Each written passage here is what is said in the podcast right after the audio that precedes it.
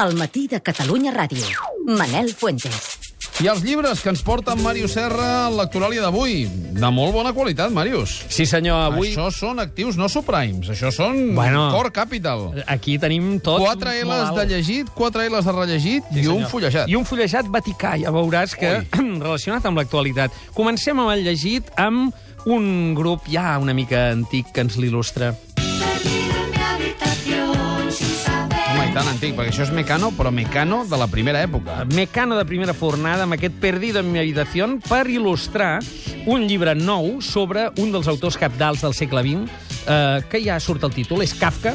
Ho sabés Kafka, que l'estàs il·lustrant amb Mana Torroja. Si ho sabés, si ho sabés, jo crec que no hauria volgut cremar els seus, els seus manuscrits amb el brot, no?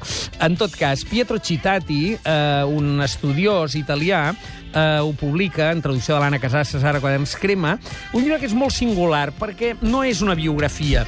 És un llibre sobre eh, l'univers kafkià. Aleshores sí que parla d'ell, però mm, el que fa és que es llegeix tot el que va escriure Kafka i entra dins. De manera que, en certa mesura, estem com si fóssim en un dietari de Kafka. Veiem totes les seves obsessions que es reflecteixen després en la seva obra. Però, esclar, quan s'enamorava en Kafka era horrorós, eh? Vull dir que demanava una carta al dia, a la mateixa hora que li arribés allà al carter. Eh, entrem, des de la màxima informació, en l'esperit d'un dels pocs autors que ha donat un adjectiu, kafkià. De manera que això, poca broma, hi ha un llibre interessant, un llibre d'un estudiós, però un llibre de literatura. Kafka, de Pietro Cittati, a Quaderns Crema. Mots clau? Mira, avui te'n dic un, però te'l repetiré. Kafka, Kafka, Kafka, Kafka, Kafka. Sabes que soñaré. Fito los Fitipaldis, por la boca muere el pez i per la boca et demano que em diguis el número de l'1 als 378. Doncs 333. Doncs si es posa el superanimarius. Molt bé. Això ha d'il·lustrar cuentos completos. Sí, senyor. A part de que el Fito ens va il·lustrar un moment del Vicente Calderón el divendres... I És per això molt del Bilbao, recordem- eh? Sí, va sortir molt del Sí. Bilbao. Um, els cuentos completos de Juan José Saer han sortit a El Aleph. Això són els contes de mig segle, del, de l'any 57 al 2000, d'un dels grans. Eh? Aquest és un narrador gran argentí. També s'han recollit tots els seus assajos, s'han recollit totes les seves novel·les. El Aleph ha fet aquesta mena de volums, així una mica de mal portar, però de molt bon llegir. No és molt conegut, el reivindiquen el Ricardo Piglia, per exemple. Realment, jo m'he trobat eh, que n'hi ha, hi ha històries fascinants. Eh? Eh, hi ha una evolució clara. Ell posa al capdavant, perquè ho va triar ell, aquesta antologia, els més recents, i eh, al final els més llunyans. Diu, eh, perquè així tinguin una visió com la que jo tinc de la meva vida, mirant, mirant enrere, no? I realment es veu que ell va començar fent contes clàssics, amb final de bombolla, i va acabar fent com unes narracions molt més obertes, que no estaven tan marcades per les lleis de la narrativa, Què vol dir això de que... final de bombolla? Uh, final de bombolla és de ximpum. Saps allò que hi ha una sorpresa final Sí. i te la peten davant dels ulls i dius ah, Era allò, era allò." Era, era, era noia, era noia, era una noia disfressada de noi. Eh? No. Això és un clàssic, eh, diguem, Chekhov, per exemple, deia si surt un eh, clau en un conte ha de servir per penjar-hi una americana. Mm. És a dir, tot ha d'estar mil·limetrat, no? I en canvi hi ha un altre tipus de relat breu que ja no, no gosem tant a dir-ne compte, que ben bé és com un retall, no? Que comença a mitja vida d'algú i acaba com més proper a la novel·la. No té aquesta voluntat, diguem, Circular. d'esfèrica, circular i de pim-pum final de oh, eh? Sí. Que mm, llavors l'evolució és molt interessant, no? Acaba, no sé, explicant la història d'amor d'una parella oberta, no? Que, mm, diguem, històries que tenen a veure amb, la, amb les emocions i el sexe, o eh, un paio que estudia l'home no cultural, per exemple. És a dir, hi ha personatges molt emblemàtics.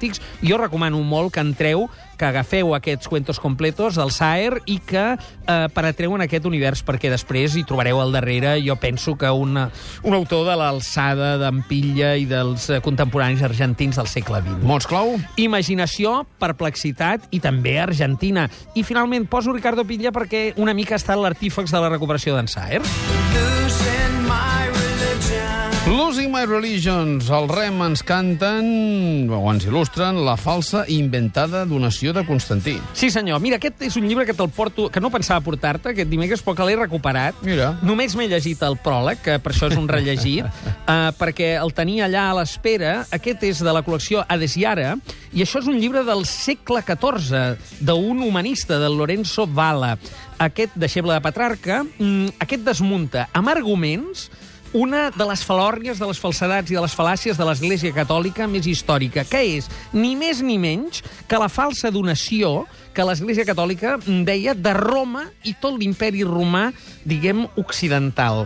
Eh, segons l'Església, l'emperador Constantí I, eh, diguem, va escriure i, va fer el llegat abans de marxar cap a Constantinople.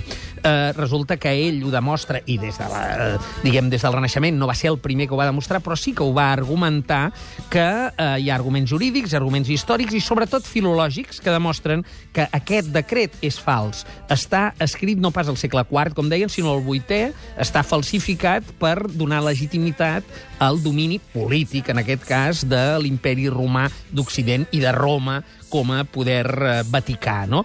Eh, ho presenten a des d'ara amb molt bon criteri el llibre que va desemmascarar un dels fraus més escandalosos de l'Església Catòlica, però és un llibre clàssic que eh, és una peça oratòria i com totes les d'aquesta col·lecció de des d'ara està en llatí, en versió original, i en la traducció acarada eh, i, i introducció d'Alejandro Coroleu a mà dreta. Per tant, la falsa inventada donació de Constantí. Lorenzo Bala. Nosaltres mirem de desemmascarar què passa a l'economia, us ho venim explicant. La prima de risc està a 530 punts, l'interès a 10 anys al 6,62%, que, insistint de fa dies, és el que cal mirar. Quan s'arriba al 7, han intervingut Grècia, han intervingut Portugal i han intervingut Irlanda.